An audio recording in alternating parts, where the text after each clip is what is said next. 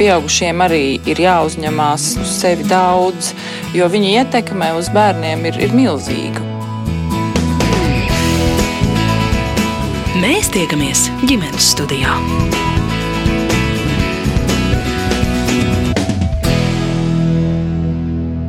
Labdien, un esiet sveicināti! Šodien, kā piekdienās ierasts, ģimenes studija dodas viesos. Mani sauc Agnese Linka, un šodien aicinu jūs paciemoties pie riekstu riekstiņu ģimenes ogrē.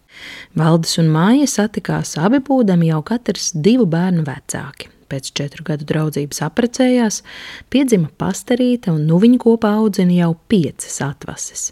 Pirms sešiem mēnešiem mazā Līna pēkšņi saslima un ģimenes dzīve sagriezās, kā viņa paša saka, kājām gaisā. Par to, kā apvienot saimi, kurā sadzīvot četri pusauģi, un kā arī cīņa par jaunākās meitas veselību. Saruna ar Valdi, Maiju, Madaru, Matīsu, divām norām un arī pašu mazo līnu.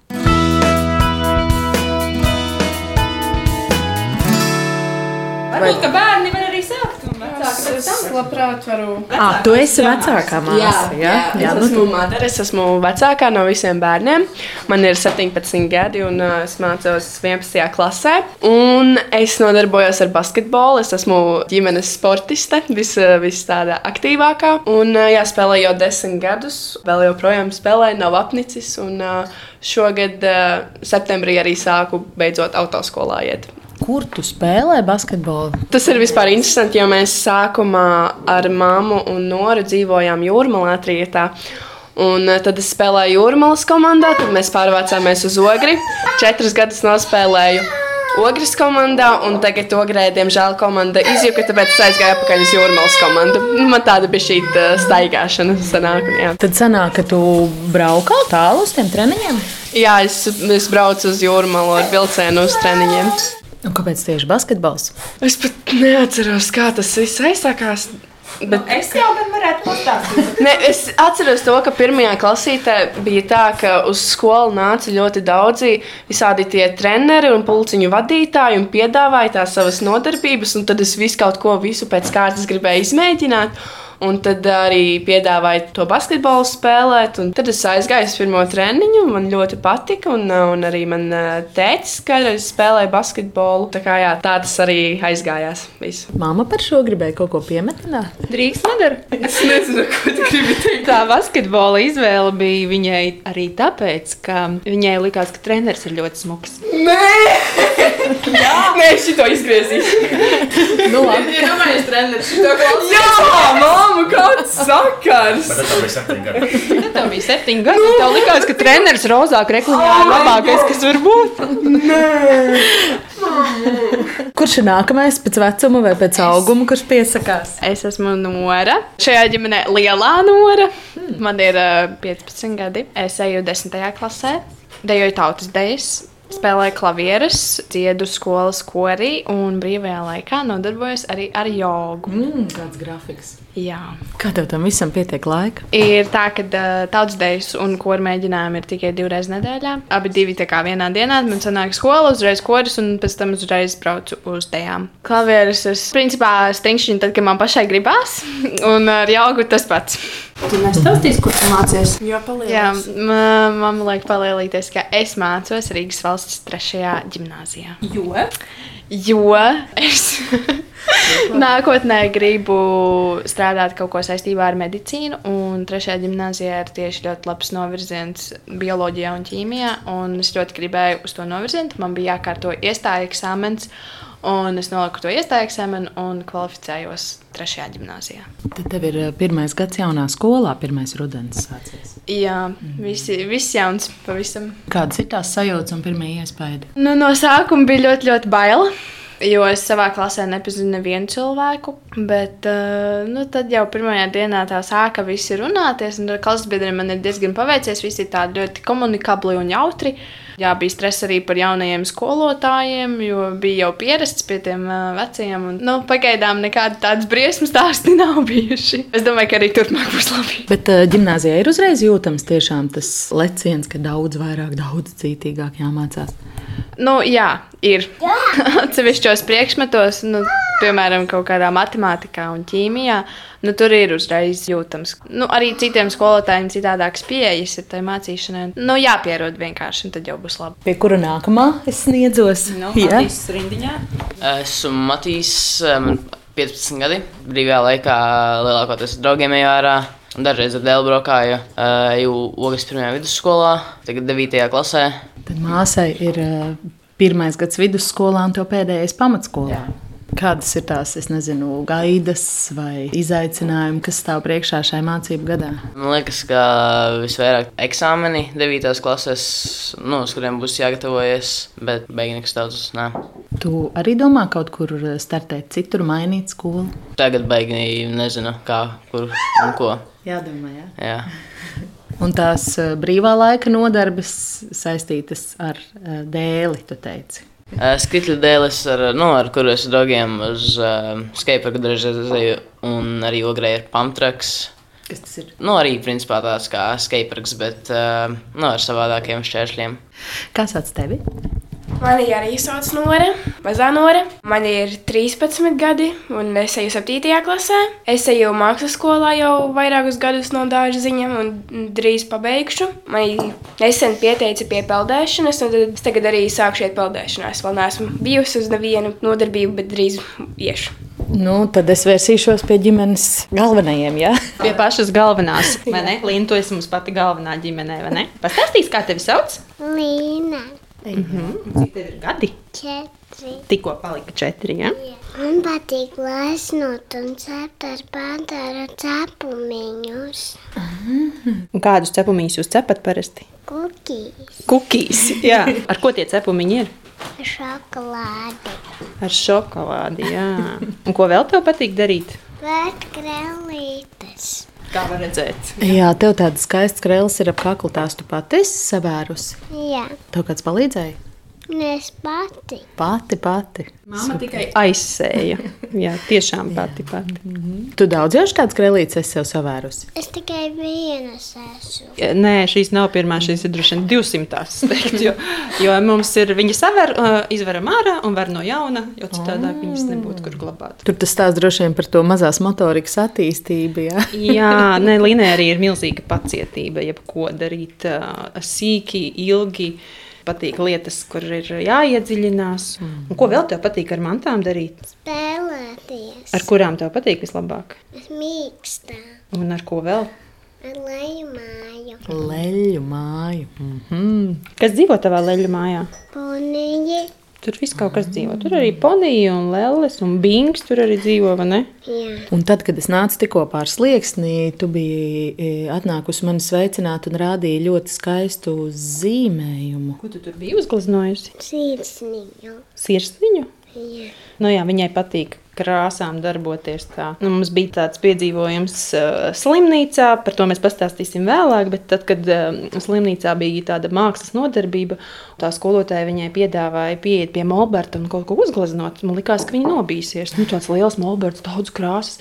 Viņa vienkārši piegāja, paņēma otru, un tā, tā kā viņa būtu gleznotāja bijusi visu savu mūžu. Nu, zīmēja, zīmēja, zīmēja. Drošiem triepiem. Jā, jā, bez stresa. Jā. Varbūt tad nedaudz par pašiem vecākiem arī. Droši vien. Tātad es esmu Maija, mamma. Tad es uh, droši vien varētu teikt, ka es esmu sava uzņēmuma vadītāja un izveidotāja. Man ir uh, kosmētikas uzņēmums Vegan Fox Cosmetics, kur mēs ražojam vegānisku kosmētiku. Protams, arī tirgojam, vai ne? Līna smaržīgu, vai ne? Jā, Līnai arī patīk pasmaržot un rociņus sasmērēt vakaros. Protams, ka mājas dzīve aizņem ar tik daudz bērniem ļoti daudz laika.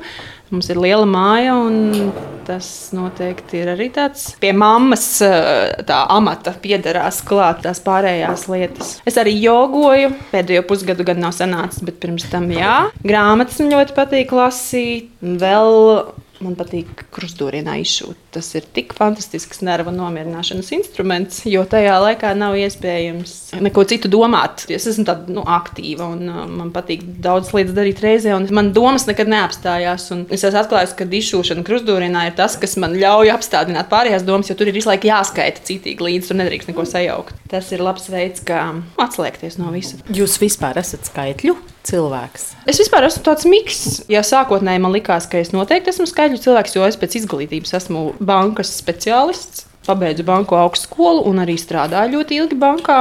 Bet patiesībā man ļoti patīk arī būt radošai un, un izpausties, piemēram, kosmētikas radīšanā vai kaut kādās fotografēšanās un, un dizaina lietās. Man patīk arī māju iekārtot. Māju savu es pati iekārtoju un pati šo interjeru radīju. Tā kā es nevaru tā beigas jau nodalīt. Man ļoti labi sadzīvo tās abas puses. Uzņēmuma vadīšanā ļoti labi nodara abas divas prasmes, jo būt tikai matemātiskam ir grūti, un būt tikai radošam, tad arī bišķi pietrūkst biznesa spējas. Tā kā man labi sadzīvo abas puses. Bet, ja es drīkstu jums vēl vaicāt papildus, bišķi pakavēties pie mammas vairāk, kā jūs nonācāt no bankas speciālista pie vegānās kosmētikas? Nu, tad, kad uh, nostrādā daudzus gadus uzņēmumos, lielos. Es strādāju bankā, pēc tam telekomā. Gūstu tādu ļoti labu pieredzi. Bija forši amata pienākumi un forši kolēģi. Un kaut kādā brīdī ieslēdzās tā doma, ka Es taču pati visu zinu, kā kas ir jādara. Un tad tā, tā kā mazliet apnīk, ka tev kā norāda, kas tev būtu jādara. Jo nu, lielos uzņēmumos nu, skaidrs, ka ir hierarhija un tev ir jāievēro vadības noteikti virzieni. Un tad ar vien vairāk piezogās, kad gribās darīt kaut ko priekš sevis, kaut ko paliekošu, kaut ko sakarīgu, ko tu vari bērniem arī normāli izstāstīt, ko tu dari. Nevis kaut kāds drausmīgs amata nosaukums, kur tu bieži vien rezultātu nemaz tik, tik viegli neredzi. Ko kosmētikas radīšana man bija hobija līmenī pirms tam, tā kā priekš sevis un draudzenēm. Un netīšām salikās, kad uh, es kļuvu arī par vegānu. Tas kaut kā tik ļoti saslēdzās, ka, ja es radu kosmētiku, tad tai ir jābūt noteikti vegāniskai. Un nevis vienkārši kārtējai kosmētikai, bet mums tas uzņēmums ir tāds nu, ģimenes uzņēmums, tāds personisks un arī nu, ar to ievirzi, ka mēs tomēr rūpējamies par dzīvniekiem. Nevis, nevis tikai kārtējais kosmētikas nosaukums tas ir, bet tiešām ar rūpi par dzīvniekiem un par dabu. Lai tāda pievienotā vērtība, lai ir tāda sirdslieta, ko tu dari, un kaut kas tāds paliekošs, un arī forši ir bērniem parādīt. Re, kur ir rezultāts, nu, tāds re, kur produkts, un, un re, kur ir jāpako viņš kastēs. Un, jā, viņiem ir jāpalīdz. Jo dažreiz ir tādas sastrēguma stundas, kad, kad nav variantu, kad ir bērni arī jāiesaistās. Vai ģimenē tas nozīmē, ka viss uzturs arī ir tikai vegānisks? Nē, Bērni drīkst izvēlēties, kā viņi ēd. Bet es gatavoju, ja ne vegāniski, vienmēr tad vegetāri noteikti. Tā kā mājās mēs tā negatavojam baigi gaļu un, un, un arī zīvis. Un ar piena produktiem mums te ir sarežģīti, jo vien, vienmēr ir dažādu veidu piens leduskapī. Līna, kad, piemēram, grib padzerties, viņa norāda, kuru pienu viņa gribēs, ka viņa gribēs kaķīšu pienu, nevis tur mandeļu vai auzu vai kuru. Bet es gatavoju, jā, vegānisku vai vegetāru, un, uh, un tad katrs izvēlās, kā viņš ēd. Skolā viņi drīkst ēst, kā viņi grib. Tā kā mums tā dalīti ir. Uh, daži ir vegāni, daži nav. Daži ir uh, vienkārši mājas apstākļos spiestā kārtā netiek pie gaļas un, un, un zivīm. Bet neviens neraud, jo tad, kad gatavo pilnvērtīgas, tiešām maltītes sabalansētas, tad jau tu esi paēdis. Nu, nav tā, ka es lieku ēst visiem tikai zāli. Tas tāds priekšstats, ja, ko tad tie vegāni ēd, tur šeit tikai ēnu vai, vai kaut ko tam līdzīgu. Ja. Nē, nē, nē, var paēst ļoti garīgi garšīgi. Es domāju, ka bērni apstiprinās to. Jā, bieži vien tās vegānās gaļas ir pat garšīgākas nekā, nekā īstā gaļa. Vegāno gaļu viņa domā, piemēram, no pupiņām vai no zirņiem Jā. vai no sojas. Var pagatavot ļoti garšīgi. Tikai, nu, protams, gan laiku, gan izdomu vajag. Nav tā, ka mēs ēdam nu, tikai dārziņus katru dienu no rīta līdz vakaram. Ja bērni grib picu, viņi dabū picu, un ja grib čīpšus, viņi dabū arī čīpšus, bet junk food mēs neēdam ikdienā. Tas ir, nu, ja kādreiz gribās. Nu. Īsais ievads tuvojās noslēgumam. Beidzot, esam tikuši arī līdz eh, tētim. Tad lūdzu, vārds tētim iepazīstināt ar sevi. Sveiki, mani sauc Valdis Rieks, Rieksniņš. Mēģinu sabalansēt visu šo lielo ģimeni, katram ir savas stiprās puses, un tur atkal kas pieklibo. Tad es esmu vairāk tas, kurš mēģina izklaidēt un uh, uzturēt tādu vieglāku gaisotni, un, un uh, plus nesu medījumu mājās. No kurienes jūs to medījumu nesat? Ja mēs dzīvojam Mogrē, bet uh, jau ilgāk, jau astoņus gadus strādāju Jelgavā, siltumapgādes uzņēmumā. Es palīdzam pilsētai pāriet uz zaļāku enerģiju un konkurētspējīgu. Un tas ir mans pienākums, kā arī šī paplašināšanās, lai ar vien vairāk, plašāks lokus izmantotu to pakalpojumu. Tagad ļoti aktīvs laiks, jo viss mūk no gāzes, dārgās. mēs vajag sviedros mēģinām cilvēkiem palīdzēt, lai, lai viņiem ir kāda alternatīva. Vai tētim arī kādreiz sanāk brīvais laiks? Jā, brīvdienas mēs tāpat kaut ko ejam pirms rituālos, vai braucam ciemos pie vecmāmiņām uz laukiem. Mums diezgan liels ģimenes no abām pusēm, gan, gan vecmāmas, gan, gan vēl brāļa māsas. Tā kā sanāk, ka bieži vien ciemojamies, vai pie mums ciemojās. Un par rētam, kad sanāk, ka aizskrien kaut ko paorientēties mežā, un tagad ar oktobru sāksies jauns posms, uzsākuši gaida zemesardzē, un tad redzēs tā no draugiem, kas jau tur ir stāstīts, ka tur tāda nebūs garlaicīga. Agrāk man likās, ka tur ir kaut kāda dūle, vai pa kuru laiku viņi kaut kāda ir IT cilvēki, brīnos, kā viņi tur aiziet ko viņi tur dara. Bet arī man kolēģis, ir, kurš ir tagad, teiksim, kiberdrošības nodaļā darbojās. Jā, nebūtu šis briesmīgais fons, kas tagad pasaulē notiek, es droši vien, kad arī nepieņem šādu lēmumu, bet tā, tas kaut kā tagad salikās un tieši saprotu, ka arī nāk tas slinkais vecums nedaudz virsū, varbūt tāds laiskums, un tad uh, gribās, lai kāds tev iespēja pa vienu vietu. Un šis likās, ka ļoti labi salikās, ka tā drošības sajūta, ka tu saproti, ja tiešām kaut kas notiek slikts, tu zinās, kas jādara un, un, un vismaz pamatus tu zinās un sapratīsi, un, un būsi daudz gatavāks un varēsi, ja nepieciešams, sargāt savu ģimeni. Cik es no uh, apkārtējo loka zinu un esmu dzirdējusi, tas prasa diezgan daudz laika. Tur ir konkrēts skaits pilnas brīvdienas no piekdienas uh, pēcpusdienas līdz svētdienas vakaram, kad Jā. tēta nav. Jā, nu tagad, kamēr būs šī pamatapmācība, tad katru otro nedēļas nogalis nebūs. Pēc tam būs jābrauc uz alūksni, saprot. Piekdienas jau uzreiz pēc darba līdz svētdienas vakaram es nebūšu, bet mēs visi ģimene esam izrunājuši. Tas tā būs. Un, un pēc tam, kad tā pamatapmācība beidzās, tad jau, teiksim, to grafiku jau var bišķiņu vairāk pielāgot tam, tam dzīves ritmam, kāds, kāds viņš ir. Atbalstījāt vīru lēmumu? Ja? Jā, es gribētu uz sevi uzņemties to lomu, ka es biju tā iebakstītāja.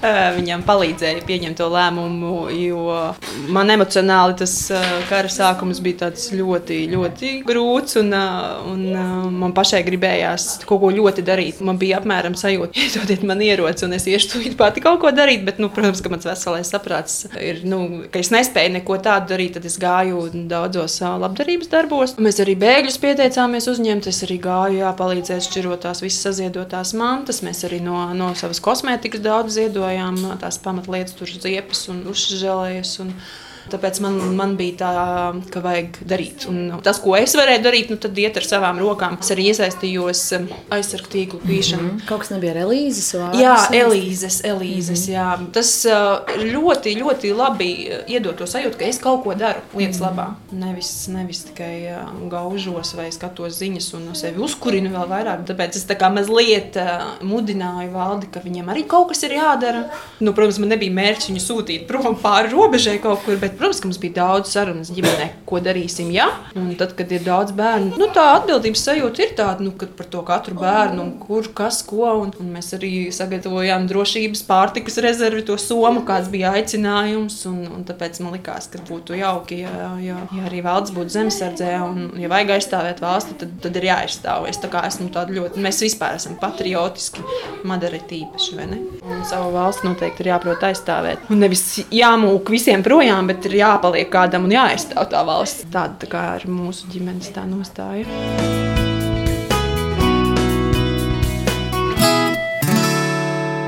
Ja drīkst, es gribētu jums vaicāt, kāds ir jūsu ģimenes tapšanas stāsts? Šis būs garš. mums, ir, mums ir seriālam scenārijs, jā, ja kādam trūkst idejas, mēs varam uh, pasviest. Nu, man jāstāsta, jā. Nu, jūs viens otru papildināt. Jo mana auss aizķērās aiz divām lietām. Pirmkārt, Madara teica, mēs agrāk dzīvojām jūrmalā, bet tagad mēs esam ogrē, un otrkārt, jums ģimenē ir divas noras. Jā, kā, nu, tas liek secināt, ka mēs esam uh, divas ģimenes sanākušas kopā. Mums pieci bērni ir radušies no tā, ka man ir divas meitas, Madara un Lielā Nora. Un Valdim ir divi bērni, Matīs un Mazā Nora. Un tad uh, mēs apprecējāmies, un mums uzrādījās šī mazā skaistā princese Līna. Ne? Tu esi princese. Tu biji man puncītī, jā. Jūs dejojāt, kad jūs bijāt kāzās. Mēs dejojām, kad bijām kāzās. Jā, viņa zina, ka viņa bija puncītī, tad, kad mēs precējāmies, un mēs tad dejojām. Jā, jā viņa arī zina, ka viņai tur bija drošība. drošībā. Viņa vienā dienā vienkārši tā no zila gaisa teica, ka viņa gribētu vēl būt puncītī, jo tur bija drošība. Bet uh, mūsu satikšanās stāsts ir.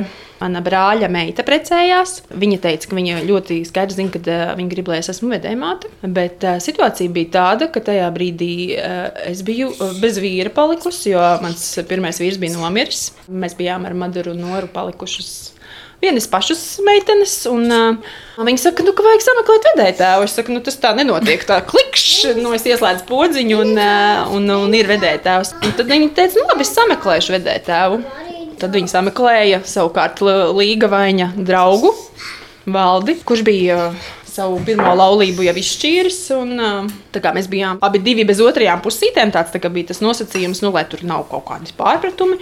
Bet tas vispār nebija ar domu mums kaut kā savest kopā. Vienkārši vajadzēja, lai divi cilvēki novada kādas Tad, kad, protams, pirmajā reizē es satikos ar Valdu, vispār nebija likās kaut, kā, nu, kaut kas vispār, kaut kāds normāls cilvēks. likās pilnīgi ar putniem. Viņš neko nopietnu vispār nerunāja. Viņš visu laiku tikai jokojās. Un tā kā kāzas bija zaļajā tēmā, nu, tā kā tas jaunais pāris bija tā nostādījis, kāzas ir zaļajā tēmā, un tad Valds teica, ka ļoti forši būtu šreka kāzas.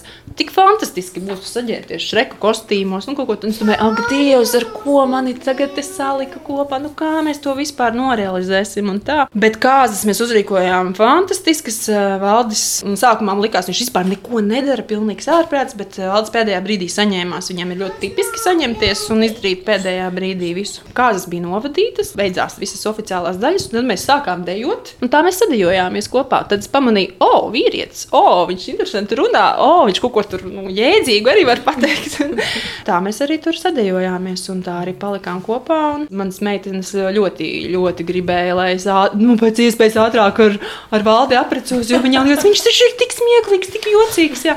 Valdis ir mūsu jā, ģimenes kā, humora dvēsele.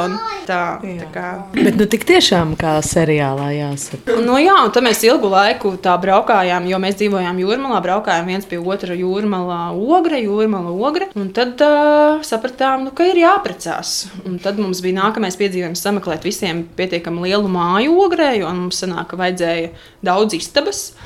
Tas bija ļoti izaicinoši. Un, un, jā, jo mēs, tas bija obligāts uzstādījums, ka katram vajag savu istabu, protams. Tad mēs apprecējāmies. Tas mums arī notika tā, klikšķi ātri. Tur pusotra mēneša laikā sarīkojām kāzas. Tad mums jā, piedzima šī mazā princese, un kopš tā brīža mēs dzīvojam visi ogrē. Manām meitām nācās jā, nomainīt skolu. Protams, ka sākums nebija viegls. Nu, tā likās, ak, Dievs, ogre, kas tāds ir pēc jūrmalas. Mm. Bet tagad viņas ir, man liekas, jūs esat taču ogres fanis, vai ne? Nu, tā kā iedzīvojušās mēs esam. Jau. Jums nepatīk ogre? nē, nu, nē, nu, tieši tajā gadā, kad mēs atbraucām uz ogri, nu pārvācāmies. Tieši ar to gadu ogre sāka palikt nu, tāda Forša. labāka, foršāka. Tas tāpēc, ka jūs esat. Nu, jā, loģiski. Par godu mums tur sāka būvēt visu kaut ko tur jaunu, visu skolu skolu taisīt jaunu un bibliotēku uzcēlu.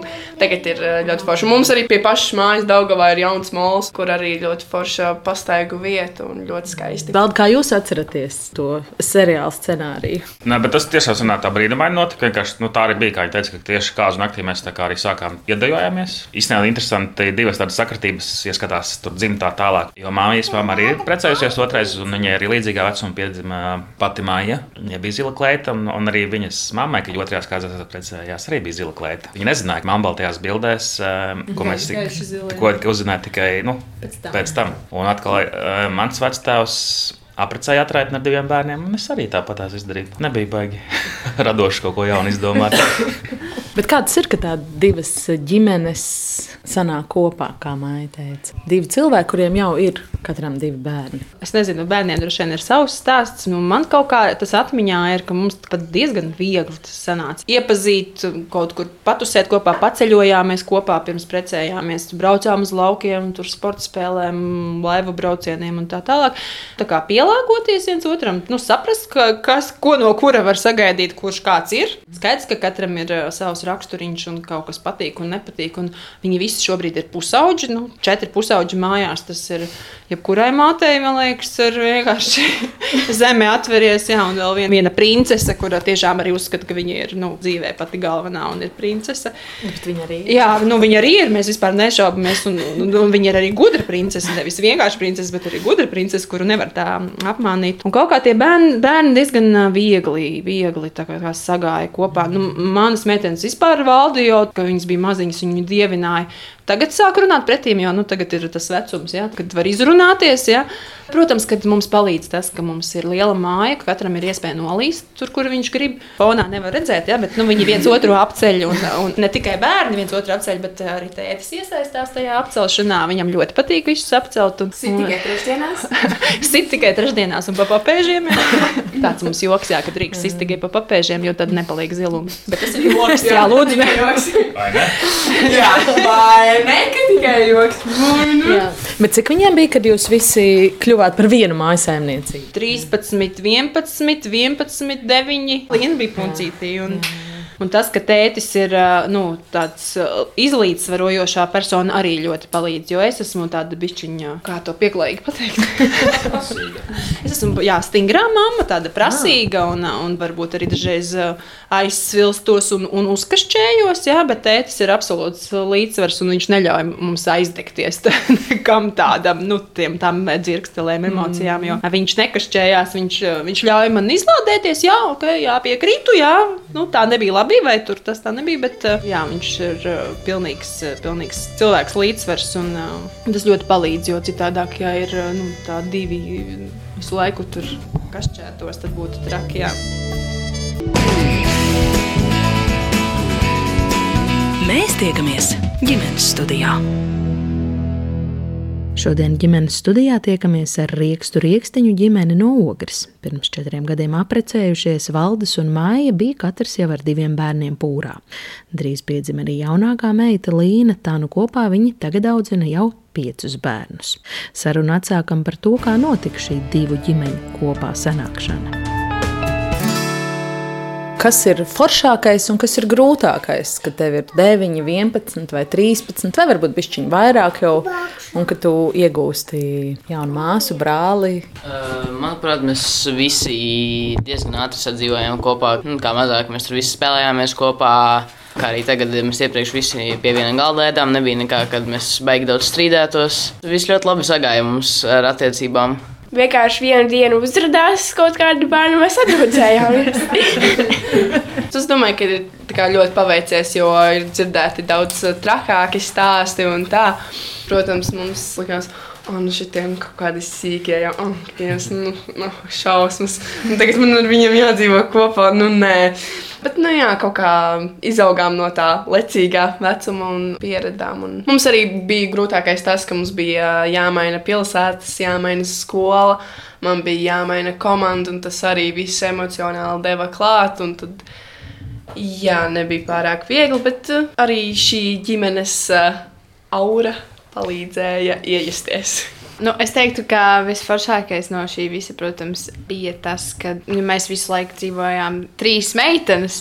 Un tagad mums ir uh, tētis, un mums ir brālis, un mums ir vēl viena māsa. Nu, Tā ģimene uzreiz ir lielāka, un uzreiz viss ir dzīvelīgāks. Un vēl viens maziņais puncīrs. Nu, jā, tas grūtais bija pamest to jūrmālu, jo man bija tā, ka es biju no pašas bērnības pirmās grupiņas līdz pat uh, aizbraukšanas brīdim.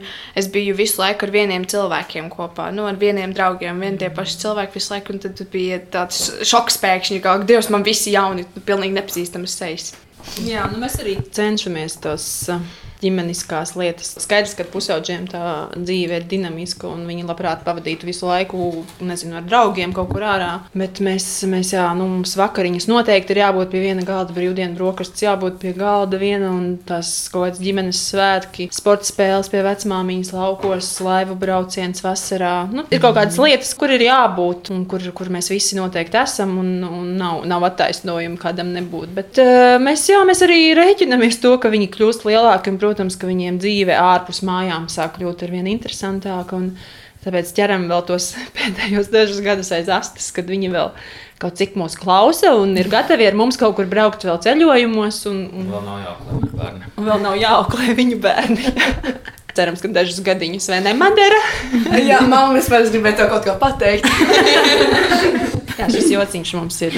Maldas visu laiku mēģina paķert visus uz zobu, tad kurš ir ko sagrēkojies šajās brīvdienās. Maija teica pirms brīža tādus ļoti, ļoti sirsnīgus vārdus par tēti, kas ir ģimenes līdzsvars un miers un uh, balanss, bet uh, pirms kāda laika diezgan daudzi cilvēki, es šodien paskatījos, vairāk kā divi ar pus tūkstoši, Facebookā izlasīja valdi jūsu ierakstu, un tajā ierakstā bija jūsu līnijas stāsts. Un tajā ierakstā bija arī ļoti labi vārdi par Maiju, par to, cik viņa ir stipra. Nu, jā, es domāju, ka ļoti daudzus, kas to lasītu, tā emocionāli aizkustināja. Vai jūs varat izstāstīt, par ko jūs rakstījāt un kāpēc tāpat šis ieraksts? Jā, nu, tā kā mums dzīve ik pa brīdim palutina, un tad ik pa brīdim kārtīgi sapurina, izaicina un iespēja. Jo nesen mēs runājām, tas gads tāds diezgan intensīvs, negatīvā nozīmē, diemžēl, kad gan karš sākās, gan covid bija, ko mēs visi ģimeni izslimojām. Tad mazā līnā šos trijos gados sākotnēji nevarēja saprast, bija ļoti pietūkusi, domāju, ka alerģija ārsta, bet beigās izrādījās, ka nieres nestrādā.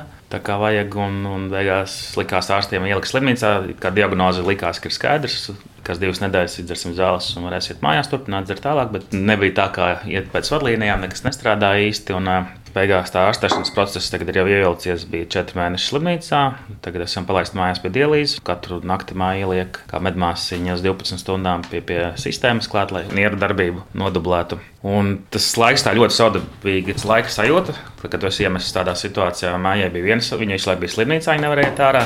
Es katru otro dienu, plus mīnus, devos pa vakariem pēc darba viņus iz, izklaidēt. Un tad atkal mēs saprotam, ka mums ir milzīgs draugu pulks un paziņu pulks, kuriem viņi zina, ka mums kaut kas neiet, bet viņiem bailes prasīt, vai, vai viņi jūtas nērti. Un arī tā bija, ka tur kāds trešais cilvēks tajā dienā atrakstīs, nu, kas jums jauns, un viņi ir jau tur atkal sistēmas un vēl kaut kas. Un, un, un tad tajā brīdī tiešām arī cilvēki pamatot uztraucās, ka viņi kā bišķiņa apgrūtina. Un tad es domāju, ka es uzrakstīšu, kā mums iet, lai tie draugi, kuri kautrējās prasīt, vai tie, kas nezina, lai zinātu, kā mums iet. Bet es biju domājis, kā tiem draugiem, kas, kas mani pazīst, pastāstīt, kā man iet. Un tas, kas bija interesanti, kas Latvijos es esmu ļoti patīkami pārsteigts apsēdos, teikt, jo tajā savā ziņā es arī teicu, ka, nu, ja jūs ļoti gribat palīdzēt, tad nopērciet kaut ko no mājas kosmētikas. Un tad tas aizgāja tādos, cilvēki sāka dalīties, man pilnīgi sveši cilvēki sāka dalīties, sākums rakstīt ziņas, atbalstošas visādas, un tad sāk arī pasūtīt tos produktus. Un tā kā Ziemassvētkos, nu, es tur līdz diviem, trim naktī pakoju pēc savu pamatdarbu. Un jā, tā mūsu sajūta, ka patiesībā cik daudz apkārt ir labi cilvēki, tas ļoti, ļoti nu, iedod spēku Protams, ka viņi galveno, ko mums vajag, nevar iedot nu, līnijai veselību vai, vai vismaz saprāšanu, kā to izārstēt. Jo nu, šobrīd mēs joprojām esam tādā procesā, neskaidrā ceļā, kaut ko eksperimentējam, kā ko pamainīt, kā nē. Šodien vēl ar ārstiem izrunājām jaunu eksperimentu, ko varam pamēģināt. Bet, bet nu, jā, es esmu šobrīd gan medmāsiņa, gan, gan, gan viss pārējais mājās. Tas, protams, nu, ir grūti. Ir grūti, emocionāli ir ļoti grūti. Man pats grūtākais ir, um, ka es neko nevaru. Es esmu gatava jebko darīt. Vienalga, jebkuru līgumu ar ko parakstīt. Bet es neko nevaru izdarīt, lai palīdzētu savam bērnam. Es varu būt viņai tikai blakus un, un, un mierināt, palīdzēt, papūst to sāpīti, bet uh, izdarīt uh, tā, lai viņai ir labi, es nevaru. Tas ļoti, ļoti emocionāli sēd. Nu, tā, jo tas ir ilgstoši. Nu, jau mums ir seši mēneši, jā, nu, jau seši mēneši process, un, un mēs nezinām, kad tas beigsies un kā tas beigsies. Bet, jā, es gribēju vēl turpināt to cilvēku, atrakstīt savus stāstus, kas ir līdzīgām nieru kaitēm. Citiem tas stāsts ir, kad no maza zīdaiņa. Jau četrus gadus viņi liek pie tās dēlīs, un tad saprot, ok, un viņiem vēl ir gājis vēl daudz trakāk nekā mums. Un viņi arī praktiskām lietām palīdzēja un ieteica vēl kaut kādus speciālistus, un ko viņi ir darījuši, un, un kas ir nostrādājis un kas nav. Tad es mudinātu citus cilvēkus, kas ir kaut kādā nonākuši sarežģītā situācijā, varbūt nekautrēties tomēr publiski par to pastāstīt. Jo māja ir saņēmusi tik daudz vēstules, un, un ziņas un zvanus, kad arī cilvēku uzzinājumu, kas ļoti palīdz emocionāli to visu sagramot. Un tad, ja tev vēl tas praktiskā palīdzība, tas tev tā ļoti palīdz pragmatiski kaut kā salikt pa plauktiem un arī saprast to stāstu, ka citiem ir izaicinājumi bijuši vēl trakākie, un, un tā bišķiņa relatīvi saprota, ka mums varbūt nav nemaz tik traki, mums vienkārši jācīnās un jāiet uz priekšu. Jā, nu es varu piebilst to, ka nu, es savā arī biznesa sociālos tīklos ilgi nevarēju saprast, vai man par to publiski dalīties vai nē nē. Tad vienā brīdī vienkārši likās tas automātiski. Nu, kā es tā likšu skaistas bildes, nezinu, no pagājušā pavasara fotosesijas, kuras esmu laimīgi starojuši. Patiesībā es tagad sēžu raudu slimnīcā ar bērnu, kurš saslēgts ir sistēmās. Un tad uh, likās pilnīgi loģiski, ka nu, paralēli, protams, biznesa ir biznesa. Es runāju par pārdošanu, par produktiem, bet paralēli stāstu arī to, kā mums patiesībā iet. Jo nu, mēs esam ģimenes uzņēmums, mēs esam mazs uzņēmums. Un, mēs esam paši nu, tajā, tajā uzņēmumā, paši cilvēki. Un, un, un, protams, ka tās darbības, ko mēs varējām tajā laikā darīt uzņēmumā, bija ierobežotas. Un tad, kad es sāku ar to dalīties, nu, tiešām likās, ka tā, nu, tas vecais, labais latviešu sakām vārds, ka dalīta bēda ir pusbēda, nu, viņi pilnīgi, pilnīgi attaisnoja sevi, jo es tiešām jutos emocionāli uzlādētāk. Protams, es nevaru palīdzēt tādā veidā savam bērnam, bet, bet man emocionāli tas ļoti, ļoti deva spēku, kad, kad cilvēki nu, daudz saka labus vārdus. Un, Un tad tas latviešu tas eh, kautrīgums, skaudīgums vai, vai nenovīdība nu, nemaz, nemaz nelikās, nu, ka viņi tad būtu ņēmusi virsroku. Cilvēki tiešām ir apkārt sirsnīgi un gatavi palīdzēt. Un daudz teica, nu, sakiet, jebko, ko vajag. Sveši cilvēki saka, kā jums var palīdzēt. Vai, man, vai sūtiet konta numuru, vai, vai mums arī sūtīja Līnai uz slimnīcu. Tas bija tik jauki dāvaniņas. Pilnīgi sveši cilvēki sūtīja, sūtīja dāvaniņas, un lai viņi var kaut kā izklaidēties. Jo es arī rādīju, kā Līna slimnīcā pavada savu laiku. Um, nu, tieši nodarbinātības ziņā, jo viņai uh, nebija visas, uh, visas dienas jābūt pie sistēmas. Bija dienas, kad viņai vienkārši bija jābūt ārstu uzraudzībā, un viņa uh, Viņai ļoti patīk visādi rokdarbiņi, un es arī to rādīju. Tāpēc cilvēkiem likās, ka nu, vismaz oh, viņi var kaut ko nu, tādu atsūtīt, kas, kas Līnai patiktos. Šis, protams, mums ir izcitis visu ģimenes dzīvi no līdzsvara. Tāpēc es ik pa brīžam pieminēju, ka tas pēdējais pusgads man daudz kas ir nesanāk, piemēram, jogot nesanāk un par sevi domāt nesanāk. Jo visa uzmanība ir uz Līnu, un tāpēc arī pārējie bērni cieši. Kaut arī viņi ir lieli un pusauģi. Un viņi nu, tur tā nu, skaļi jums nepateiks, ka viņiem ļoti vajag mamīti, ja, bet uh, viņiem nu arī vajag. Jā, ik pa laikam vajag. Un uh, norē bija tur eksāmena 9. klases. Un, protams, ka vajag pirms eksāmena katru vakaru, kad lai mamma kaut kā nu, atbalsta. Un, un es to varēju darīt tikai pa telefonu. Un, un višķiņ tas līdzsvars un tas tā kopības sajūta mazliet, protams, tika satricināta.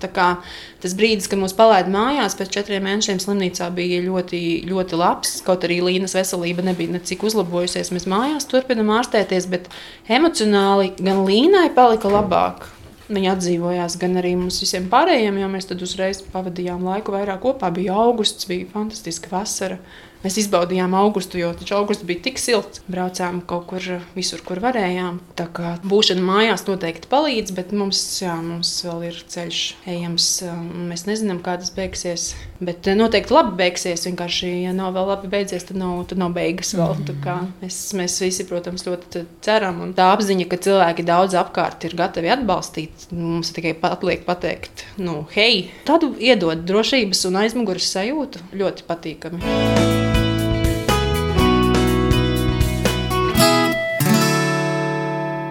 Ko šī situācija nu, tā tīri e, mentālā ziņā prasa no jums?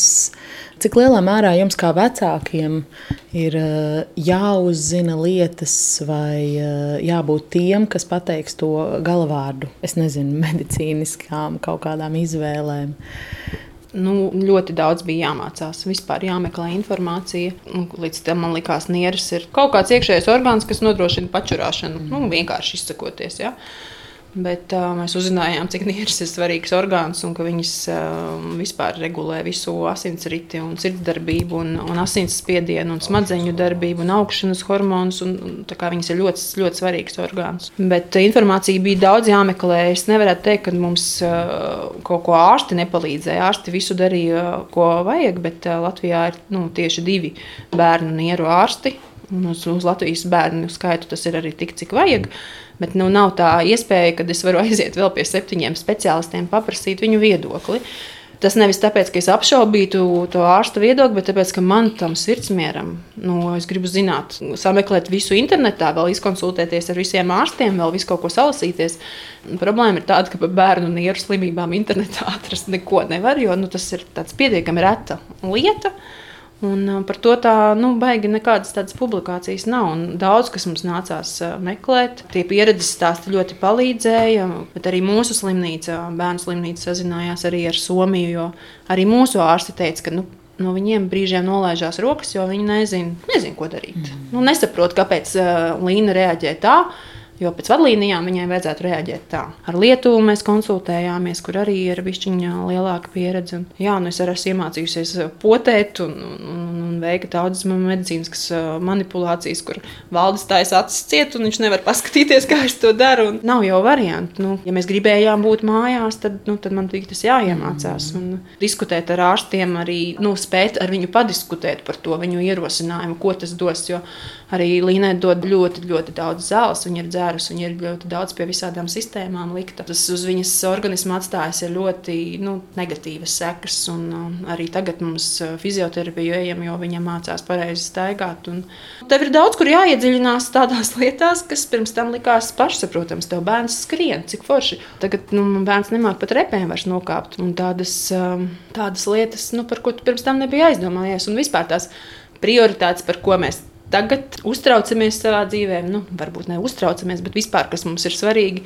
ir absolūti mainījušās, kādas viņas bija pirms gada. Tagad tiešām mēs priecājamies, ka Līna pati ir nokāpusi pat repēm, vai viņa pati gatava ir uzvilkt zeķu bikses, vai mēs esam beidzot visi kopā pie brokastu galda, cik tas ir svarīgs brīdis. Pirms tam tas likās viss tik pašsaprotami. Tas, ko es varu aicināt, tikai tiešām cilvēks novērtēt, ko jau daudzi saka, novērtēt to, kas tev ir un tieši šajā brīdī. Jo, Nu, protams, ka mēs neviens negaidījām, ka mūsu ģimenē tagad pēkšņi uz pusgadu un vēl nezinu, uz cik ilgu laiku viss būs sagriezies kājām gaisā.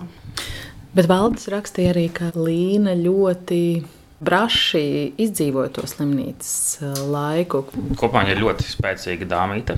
Tagad mājās jau ir, kad mums tā dialīze, kas to nieras darbu izdara, viņai ir tūs, kas nogājuši nost, viņa uzreiz kā viņai paliek labāk, viņa ļoti strauji vispār ir atdzīvojusies un jokojās un skrien. Un, un sākumā bija kamēr viņai nebija tās kājas vēl tā satrenējušās. Bet viņa bija ļoti motivēta, ka viņa pati, jo viņa pati saprot, ka viņai jātrenējas, pie fizioterapeita gaida, lai viņa būtu stiprāka. Līdz ar to viņa ļoti motivēta arī mums mājās, ka visus tā kā tāds to ģimeni atkal kā magnēts ir savilkusi kopā, to ģimenes kodolu izveidojusi. Un arī slimnīcā tā, tur viņai bija daudz grūtāk, viņai tās bija tūs, kas viņai bija trešdaļa, pat ne vairāk svara klāt, pienāca īsā laika posmā, viņa nevarēja pastaigāt un, un pie tām sistēmām visu laiku un ļoti daudz gulēja, bet tajos brīžos, kad viņa pamodās, tā, viņai bija enerģija Kad ierauga tēti, tur sūta mamma mājās, teica, paliks pa nakti. Tad paspēlējās tās minūtes, cik viņai tas enerģija tāda pilna atdeva, un tad atkal ir, tad es jūs pats šķiet, vai viņai ļoti patīk ratos ārā, lai iet ārā svaigā gaisā. Tas viņai tagad tas ieradums ir iegājies, un tad mēs joprojām garos gabalos, viņa nevar gar kājām garus gabalos noiet. Iesim uz centru, uz kafejnīcu, kaut kur. Jā, jā viņa, viņa izrīko, bet jā, par to slimnīcā turēšanos, jā, viņa tiešām cik viņa ir izcietusi visus dūrienus un asins analīžu ņemšanas, visas tās reizes un operācijas, cik viņai nav bijušas narkozes. Viņa tiešām ir ļoti, ļoti braša. Viņa to spēja izturēt. Un, un, un pati dzēra zāles. Viņai bija no rīta jādzer 12 tabletes. Viņa vienkārši paņem vienu pēc otras liek mutītē un uzdzer. Ar viņu varēja sarunāt daudzas lietas. Tā kā, nu, liekas, ka pilnīgi pieaudzis cilvēks un viņa visu saprot. Un, Grūtākais bija mošanās pēc narkozes, kas nu, jebkuram cilvēkam ir. Tad bija tādas histērijas, jā, un hormonu ietekmē bija histērijas. Un, tās zāļu blakus parādības, tas ir tas, kas man, nu, man kā mammai ļoti, ļoti traucē. Bet viņa tiešām ļoti, ļoti braši visu kaut ko pārcieta un gribēja darboties. Tēti ļoti gaidīja, jo, protams, tētis ir, tētis ir, ir labais, ar ko jokoties. Un, Viņa tiešām teica, mamī, tu varētu šo, šonakt braukt mājās. Viņai tiešām tā gaidīja tās eh, dažas naktis, kad tēvs drīkstēja palikt. Un, Tas, ko Līna mums vēl māca, tādu mācību, ko visiem cilvēkiem noteikti var paņemt, um, to mīlestības izrādīšanu. Un ne tikai tādu mīlestības izrādīšanu emocionāli, bet arī vārdos ietērpt un teikt daudz labas lietas. Jo viņa tik cik viņa dienā pasaka labas lietas, un komplimentus un uzslavas, man liekas, tas ir vidējais Latvijas dzīvē, tik daudz nepasaka. Tiešām, patiešām, jo viņa, viņa spēja katrā sīkumā saskatīt skaistu, labu, mamī, cik tev skaisti matiņi, cik tev skaistas atstiņas, cik tev skaistas rociņas. Kaut arī man ir mati trīs dienas neizmazgāti, bet viņa vienalga pateiks, mamī, cik tev skaisti matiņi, vai kā tev smuki saķemet. Un pati arī vienmēr grib smuki sapucēties. Un pēdējais hīts bija, kad viņa velk reizē klāt kleitu un svārkus. Un es saku, nu, ka tā nedara, nevajag vilkt abus divus kleitu un svarkus. Un tad viņa ļoti pārliecināti par sevi atbild, bet kā tad tētis zinās, ka es esmu princese? Un visu viņai ir arguments, un, un viss labi, jā, labi, lai paliek. Ja tu tā saki, nu, tā kā tiešām es novēlu cilvēkiem daudz vairāk teikt vienam otram labas lietas, jo tos uzslavas komplimenti, nu, tiešām saskata visur labo. Un kaķis ir tik, tik mīļš, un, un vispār, ja, ja par jebko, ka viņai pasniedz makaronus bļodiņā, viņa nu, spēja pateikt arī kaut ko skaistu, vai kādu nu, skaistu krāsainu makaroniņu, vai, vai mīļš, paldies, mamīt, ka tu man sataisīji tēņu. Nu, no sirds, nu, tas ir tas, kas mums ir visiem noteikti, ko mums vajadzētu saglabāt pēc iespējas vairāk ģimenē tālāk arī turpmāk. Mm. Kas interesanti vēl bija par slimnīcas laiku runājot, bija tās operācijas un ar narkozi. Un visvairāk, protams, mamma uztraucās, bet kas ļoti palīdzēja, bija bērnu grāmatas, kur viena bildītēm izstāstīta bija tie stāsti Tur ir kaut kāds pētrīte un lienīte, kuram tur pētrīte saslimēja, aizgāja slimnīcu un narkozē. Viņš pamodās, nebija vecāku blakus. Viņa jau pati stāstīja, es zinu, ka es pamodīšos, tad tu nebūsi. Un tad tur as asarām acīs iepaudīt, mammu, ej prom! Man uz operāciju apmēram. un tur arī mums ir slimnīca, ka nevar mānīt, nu tur viss būs labi, viss būs labi. Tev jāstāsta, kas tu būsi, lai zinātu, kam gatavoties. Un, ja tu izskaidro, tad arī tas bērns daudz gatavāks tam, kas viņam priekšā. Jā, un tiešām bērnu, bērnu grāmatiņa par slimnīcas tēmu vienkārši bija zelta vērtībā, jā, kad viņi bija sagatavota morāli tam visam. Šāds notikums, tāds pavērsiens droši vien atstāja iespēju uz visu to ģimenes eh, sistēmu. Varbūt jūs varat padalīties, kā, kā jūs izdzīvojat mm. šo sešu mēnešu posmu pēdējo. Bija grūti ne tikai mammai un Līnai slimnīcā, bet arī mums pārējiem mājās, jo vienīgais pieaugušais mājās ir Valdis, kurš man šeit nav vēl pieskaitāms pie pieaugušajiem. Tā stingrā māma bija aizbraukusi. Jā, un tad, un tad mājās tas ir. No, labi, nē, tā nebija.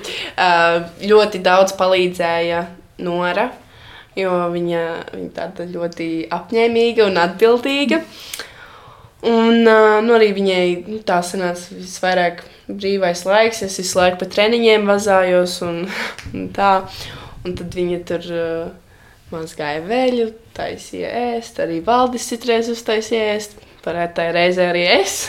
Bet tiešām arī bija mm, grūti tas, ka mamma nebija mājās. Kā jau viņa arī iepriekš teica, ka arī pusauģiem uznāk tādi brīži, kad vajag mammu. Nu, man pašai personīgi mamma ir tas, kas rada to mājas sajūtu. Un mamma, ja četrus mēnešus nav mājās, tad man arī nav sajūta, ka es pat esmu mājās. Paldies Dievam, tas beidzās vienā brīdī. Eh, protams, ne tik ātri, kā gribējās, bet eh, jā, augustā viņas atgriezās mājās. Tad varējām izbaudīt pēdējo vasaras mēnesi kopā. Bez mammas bija grūti, teiksim tā. It īpaši tāpēc, ka man bija tie 9. klases eksāmeni, jo es esmu, nu, tā mēģināju sakot, emocionāls cilvēks. Manā mamma ir ļoti liels emocionālais atbalsts. Un katru vakaru pirms eksāmena bija zvans mammai. Mamma teica, nomierinies, viss būs labi. Tu esi labs cilvēks arī tad, ja tu dabūsi septiņi. Tas nevis tāpēc, ka es prasu septiņi, bet tāpēc, ka Nora pati priekš sevis prasa ļoti augstas atzīmes. Un, un es viņu mudinu uz to, ka drīkst nopelnīt arī sliktu atzīmi. Arī tad tu esi labs cilvēks, nekas no, nemainās. Dažreiz mēģinām viņu pavilkt uz zoba un izaicināt, kad ej, nopelnīji piecinieku, tad mēs tevi aizvadīsim uz restorānu. Tētim pēdējais vārds par šo. Man tas tādā ziņā bija varbūt citādāk nekā viņam, jo man bija tas laiks ļoti intensīvs. Jo sanāca, ka bija pamatdarbs, tad vakaros man bija jāpalīdz mājas biznesam vairāk, ko viņi parasti agrāk darīja. Plus tad kaut kas jāiedod viņam arī ēst, lai galīgi, ja, ja norē bija slinkums taisīt tajā vakarā. Tas ritms bija katru otro vakaru. Es braucu uz slimnīcu, un tad jau tikai mājās, kaut kādiem tur ap 10, 11 mājās, un tad jau tas laiks vienkārši lidoja. Grūtsirdībai tur nebija daudz laika, jo vienkārši uz laiku bija kaut kas jādara. Un par māju jūs rakstījāt dūli stipra sieva. Nu, jā, viņi tur baigi turējās, un ar, viņi ir ļoti struktūrēti un kārtīgi atšķirībā no, no manis.